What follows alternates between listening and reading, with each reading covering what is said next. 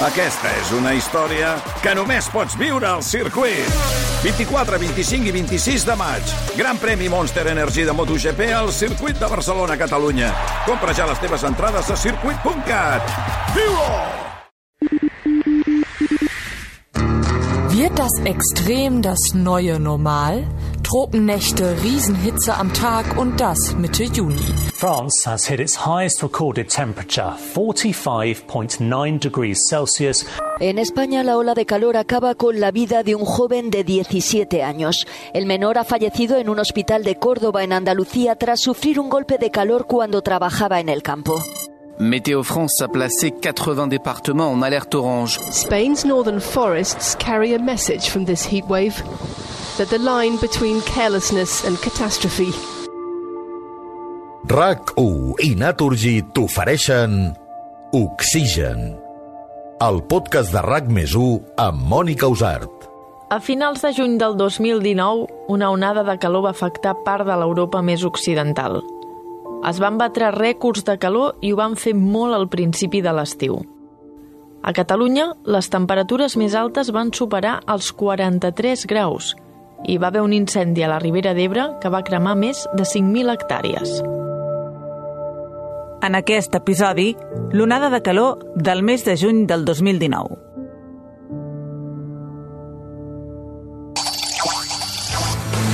Va, peu a terra, que ja divendres. Per fi és divendres 28 de juny del 2019. Anem acabant més. Avui l'onada de calor arriba al punt màxim. De fet, ahir es van batre rècords de calor a moltes comarques de Catalunya i avui aquestes temperatures tocaran sostre, estaran per sobre dels 30 graus a la costa. I atenció, perquè... Era el mes de juny i tot just acabava de començar l'estiu.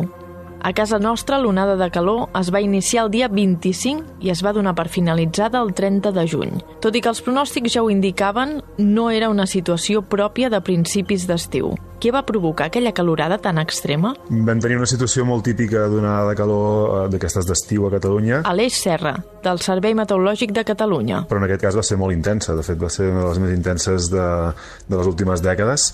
La típica emergència d'una massa d'aire càlid provinent del nord d'Àfrica, que en aquest cas no només va afectar la península ibèrica i sobretot la seva meitat est, sinó que també va, va continuar progressant cap amunt i, i va provocar temperatura molt superior a la normal, per exemple, doncs, a, a França i fins als Països Baixos i en part doncs, a, a les Illes Britàniques. Una onada de calor que es va allargar força dies, des del 25 fins al 30 de juny, i que a més a més va ser en una època de l'any on bé, ja, ja solem tenir temperatura alta, pot ser alguna calorada, però normalment aquestes onades de calor més excepcionals les solem tenir més al juliol o l'agost i en aquest cas doncs, va ser molt primerenca. Les temperatures van ser de rècord en altres països com Alemanya, Luxemburg, els Països Baixos, Bèlgica o França, on els termòmetres es van enfilar fins als 46 graus. Aquella onada de calor just va coincidir amb una trobada de científics per parlar precisament del canvi climàtic. Estava anant a Alemanya. Anna Pérez Català, ambientòloga. Sempre que hi ha cimeres de canvi climàtic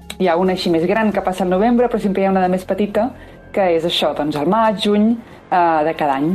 I just, just aquell any doncs, vaig decidir anar-hi amb tren, eh, arribem a Alemanya i just llavors va ser quan va entrar la, la onada de calor i clar, llavors era molt, molt paradoxal perquè Alemanya com que estava més, a més latitud, no? sempre fa una mica més de fresqueta, ja saps que te'n vas més abrigat i feia molta calor, Uh, era el tema de conversa no? de, de les negociacions, tant els passadissos com algun comentari així les plenàries. Mm, I arriba un moment que el que fan és dir-li als negociadors no cal que us vestiu tan formalment, no, no cal que porteu, jo que sé, americana, que abriga molt, no? coses així, perquè fa molta calor. I jo recordo dormir amb les finestres obertes, no? que és algo com molt estrany, que no havia vist mai, que segurament passa a l'agost, a Alemanya o alguna així, però no així a finals de juny. No? A la cimera, i de fet a gran part d'Europa, es va convertir en un tema de conversa, i en alguns casos en un malson. Les temperatures extremes van deixar almenys 13 morts, 5 a França, 4 a Alemanya, 2 a Espanya i una a Itàlia i el Regne Unit. I més de 320 milions de persones es van veure afectades per la calor. I una d'elles va ser l'Anna. I el més sonat va ser ja de tornada, perquè va ser quan la onada de calor ja havia entrat eh, de ple, no me recordo exactament quin dia era, però llavors el meu tren feia, feia parada a París i llavors continuava i a París van tenir problemes amb els motors, els sobrescalfaven i el meu tren va trigar pff, moltes hores més del normal a arribar a París-Barcelona. eh, ens vam parar diverses vegades, ens vam fer baixar, el motor s'escalfava, no, sé, no sé si només era per la temperatura ambiental o si hi havia alguna avaria més, però era algo molt fort, feia molta calor més, i, i a més a més, quan ja estàvem gairebé arribant, ens vam trobar un incendi, no? que també està relacionat amb, amb que faci molta calor. Llavors era com, no pot ser, quina, quina catàstrofe col·lectiva, no? Com, va ser com viure molt, molt de prop les conseqüències d'una onada de calor i de com es fan més grans per culpa del canvi climàtic. A Catalunya va ser una onada de calor de rècord a moltes comarques, amb dades que han passat a la història. Els valors de temperatura van ser excepcionals, en molts casos sense precedents, tot i que en, podríem tenir una, una onada de calor de magnitud semblant als anys 80, l'any 82. Però en tot cas, aquí es van arribar a valors de temperatura màxima de 40 a 43 graus eh, de manera extensa a l'interior, pràcticament a totes les comarques de l'interior i del prelitoral, però també a les valls del Pirineu i Prepirineu es van voltar els 40 graus durant, durant uns quants dies, a més a més, perquè alguns sectors del Pla de Lleida, de la Conca de Trem, de la Pla de Bages o de la Plana de Vic van superar els 40 graus quatre dies consecutius, que això és molt poc habitual a Catalunya. De vegades eh, sembla que 40 graus és una xifra doncs, fàcil d'assolir, molt, molt freqüent a l'estiu, potser afectats per les dades que ens donen alguns termòmetres no prou fiables, però hi ha estius, o hi havia estius on no s'hi arribava en cap dia, 40 graus, i en canvi aquesta onada calor a finals de juny del 2019 es van superar quatre dies consecutius en moltes poblacions de l'interior i això evidentment dona l'excepcionalitat d'aquestes dades. En molts sectors del litoral, l'episodi va quedar lluny lluny de l'excepcionalitat. Va ser una calorada molt restringida a les comarques interiors i també al prelitoral. La marinada i una aigua del mar encara freda van frenar la pujada dels termòmetres arran de costa. Tot i això, el que sí que podem destacar és la temperatura nocturna. Hi va haver alguns valors molt destacats. Uh, per exemple, a la ciutat de Barcelona, no tant a la part baixa, però sí a l'Observatori Fabra, hi va haver una nit entre el 28 i el 29 de, de juny que la temperatura no va baixar de 31 graus. És evidentment una xifra absolutament excepcional que després, al, al, al final del dia, al vespre, va, va canviar el, el règim de vents i llavors va baixar fins als 25 graus, però en tot cas va haver-hi una nit en què no es va baixar de 31 graus a, a l'Observatori Fabra de Barcelona, a la serra de Collserola.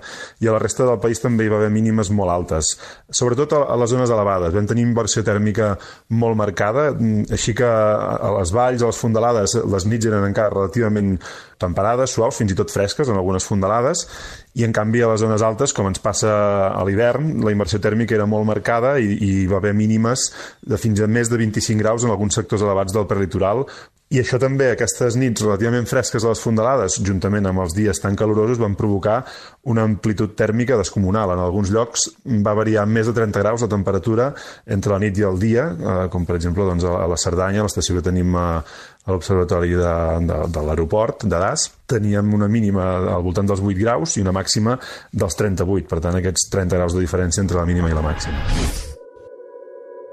Oxigen. Una de les pors que hi ha sempre davant d'una onada de calor com aquesta, i més si es combina amb ventades, humitats baixes o períodes de sequera, són els incendis. Doncs malauradament, el 26 de juny n'hi va haver un a la Torre de l'Espanyol, a la Ribera d'Ebre. És un incendi que va agafar unes dimensions d'una magnitud. Oriol Pallissa, inspector dels bombers de la Generalitat. Es va tenir que trossejar i, i els comandaments treballaven per, per àrees i per zones diferents concret el primer dia estava a casa, jo, jo sóc de la Ribera d'Ebre però visc al Priorat i, i la columna uh, la vam veure des de Marçà. O sigui, estem a la piscina amb els nens i vam dir buf, demà tindrem feina. El segon dia sí que vaig estar treballant tot el dia 24 hores allà, vaig estar flanc dret. I, però bueno, la primera tarda ja a través dels mitjans que tenim de comunicació interna de bombers ja, ja veies pels grups habituals de comunicació que no era un incendi eh, diguem típic de finals de, de finals de juny. Sabíem que duraria uns quants dies perquè el cos de bombers s'havia reforçat amb, amb gent, eh, diguem que potenciant la capacitat de resposta des dels parcs de bombers, però tan sols el primer dia d'aquesta onada de sud, el primer dia, el 26 de, de juny, ja va, ja va petar fort. Les condicions meteorològiques ja feien preveure als bombers que alguna cosa podia passar. Per això, ja tenien els reforços a punt. Tot i això, l'extrem sud del país no semblava que fos la zona més vulnerable. Habitualment, aquestes situacions sinòptiques d'onada de sud, en general, grans incendis, és la Catalunya central, perquè és on tens les grans olles eh, i on té aquest, aquesta pujada de temperatures fa que les corrents d'aire i, i sobretot les convectives facin créixer els incendis eh, amb, amb més virulència en aquesta zona del país. No estem tan acostumats a tindre incendis a Monades de Sud amb, aquest, amb aquesta zona tan concreta de la Torre de l'Espanyol o, de, o de la Ribera d'Ebre. Ara, com que hi anava associada una marinada reforçada, la primera mm, penetració d'aquesta llengua baferada de calor del Sàhara a la península uh, fa, crea corrents d'aire de mar cap a terra potents i això va fer mm, que les marinades habituals que puguin tindre uns 25-30 km per hora a l'interior es multipliquessin per dos i tinguessin marinades reforçades, que en diguem nantros, amb l'empenta, reforçada per l'empenta precisament d'aquesta onada de sud, d'uns 60 a uh, 70 km per hora. Llavors aquest factor va ser crucial. L'incendi s'estenia ràpidament i tenia mala pinta. El dia que es va declarar l'incendi de la Ribera, jo recordo que estava en un, amb un amic prenent un cafè després de dinar. Marina Pallàs, periodista al diari de Tarragona. I contava acabar aquell dia pronte. I just eh, poc després de, de dinar ja vaig, bueno, va esclatar l'alarma la, de l'incendi, vaig començar a rebre missatges i mica en mica la cosa ja es va veure que s'estava descontrolant que podia ser molt greu i ja, pues, eh, bueno, recordo de més que estava de, la meva companya estava de vacances, és a dir, que estava sola i aquella tarda va ser molt frenètica. Vaig seguir-ho des de la redacció aquell primer dia.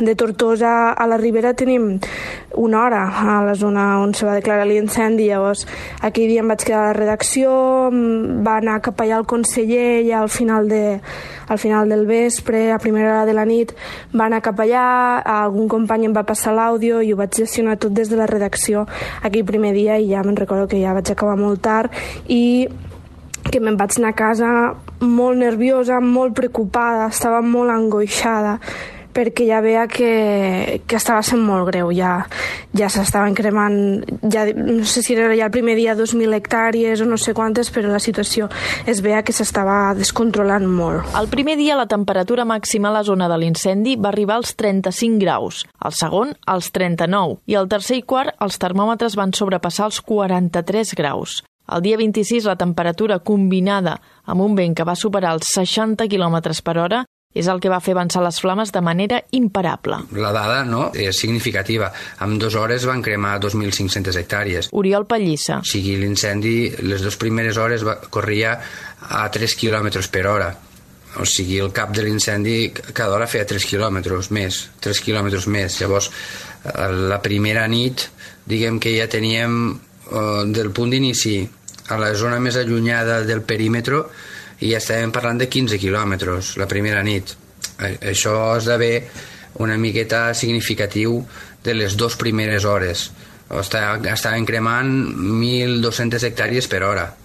Ah, ah, clar, això són comportaments d'incendi molt, molt, molt virulents que sobrepassen eh, la capacitat de contenció que pugui tindre qualsevol sistema preparat i organitzat de resposta a les emergències. Has d'anar de forma preventiva una mica per davant. Durant el primer dia, els bombers l'única cosa que podien fer era protegir, ja que el foc avançava més ràpid que la capacitat d'extinció que tenien. Això va implicar moltíssima afectació de cases rurals, masies, nuclis aïllats, va implicar molta afectació de vies de comunicació. En concret, ne teníem tres que eren quasi que perpendiculars al, a l'abans d'aquest front. Llavors, les principals gestions que es van fer aquella tarda era d'evacuar eh, veïns i residents de, de doncs, edificacions aïllades i el tall de vies de comunicació, la gestió d'infraestructures. També és una zona del país que les infraestructures eh, elèctriques són molt potents, perquè sabeu que, que allí tenim una central de generació, per tant les sortides, la red elèctrica allí és molt potent i també es va veure afectada amb, amb talls i caigudes de tensió. Llavors, la primera tarda va ser tota una gestió de la crisi del, del, del que no va guiar més, i, i de mentre les hectàrees anaven creixent i anaven creixent. Veient com avançava l'incendi, els periodistes i les autoritats van anar ràpidament cap a la zona. Des de redacció ja em van dir... Marina Pallàs. Demà ves ja cap allà, agafa testimonis, agafa afectats, no? Sobretot aquell component humà de persones afectades que han hagut de marxar de, dels seus masos, de, de les seves cases, per, per culpa de l'incendi. I recordo que aquella nit no vaig dormir gens o quasi res perquè tenia un, un permanent estat d'inquietud, d'angoixa, estava molt preocupada. Recordo que vaig passar molt mala nit, que vaig somiar en una granja que havia sigut arrasada uh, amb 200 corders a dins, no? I, i estava, jo estava una mica trasbalsada, no? Soc una persona una mica sensible, són les nostres terres i jo també em sentia una mica personalment implicada o, o afectada d'alguna manera. La Marina anava a buscar les històries més personals i en va trobar una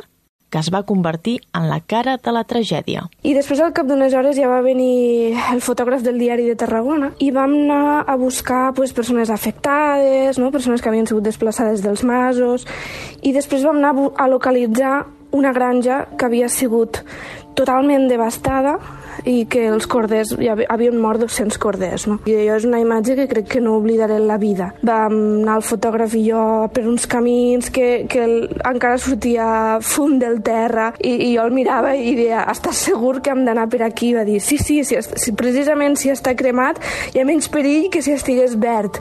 I finalment vam trobar la granja que estava totalment eh, cremada mos hauríem ofegat aquí. És una vivència que no la vull a ningú.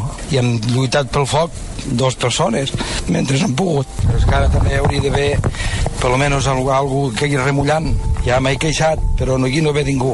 I la imatge de, de tots aquells animals morts, les, les excavadores que agafaven la muntanya de cadàvers per traslladar-la cap a un altre lloc i aquella imatge no, no me la trauré del cap. Què he de fer? Pues acabar que es cremi tot i oblidar-me'n de tot. Si no fos perquè farem pudor, jo no vindria mai més.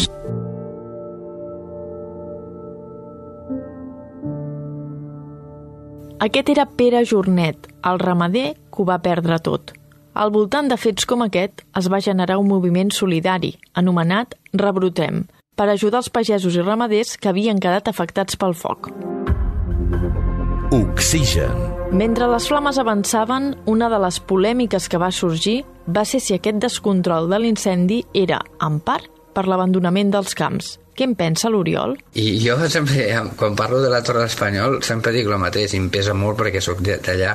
I jo, aquest comportament d'incendi tant de bo sempre es donés amb, amb paisatges tan mantinguts i tan treballats com aquell. Gràcies a, a, a l'ús del sol que tenim en aquella zona de la Ribera i sud del Segrià i oest de les Garrigues, gràcies a aquell mosaic i amb aquelles taques d'usos del sol diferents, amb regadiu pues, de fruiters o amb de secar perquè hi ha molt d'ametller, olivera, hi ha també molta vinya, gràcies a això va, va, se'ns van generar moltes oportunitats i l'incendi no va sumar més hectàrees.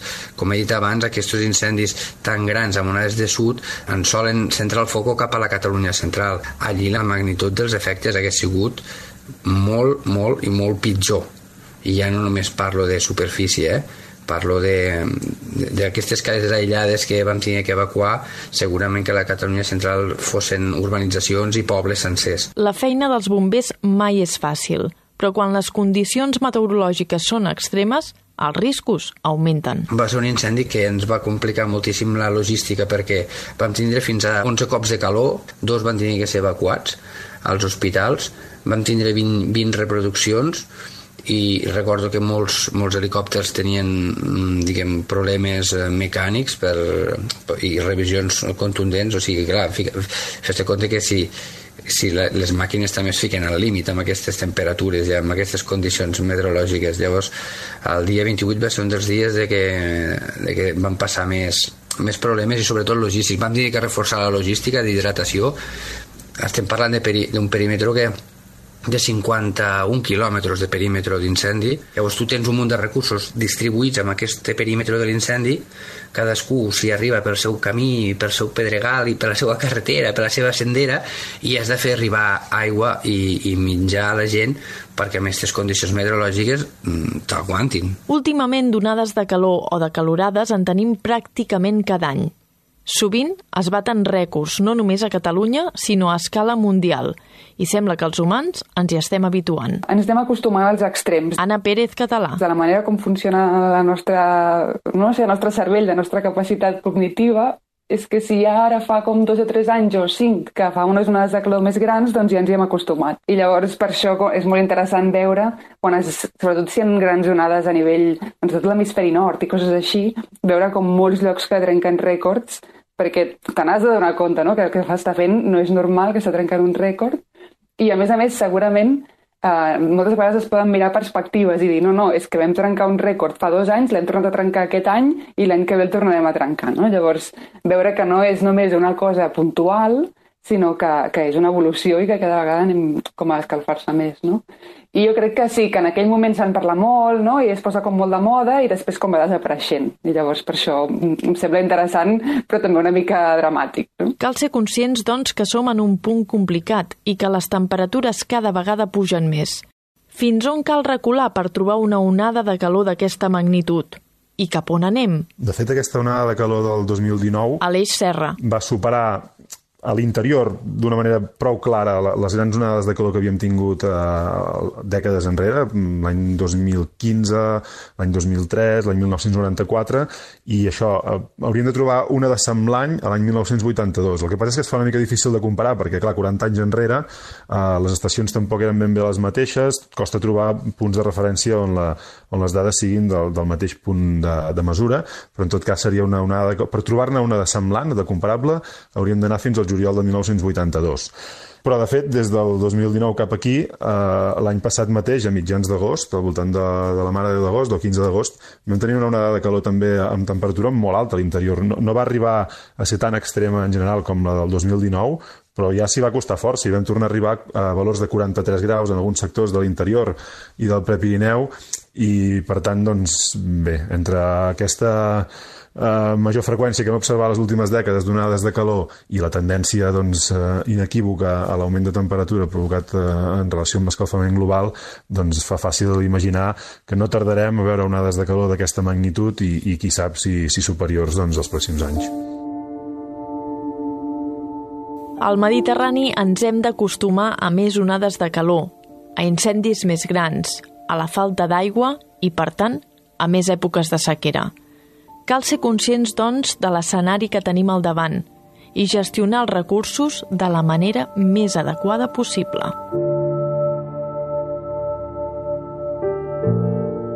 RAC1 i Naturgy t'han ofert Oxigen, el podcast de RAC més amb Mònica Usart i el muntatge d'Ivan Caral.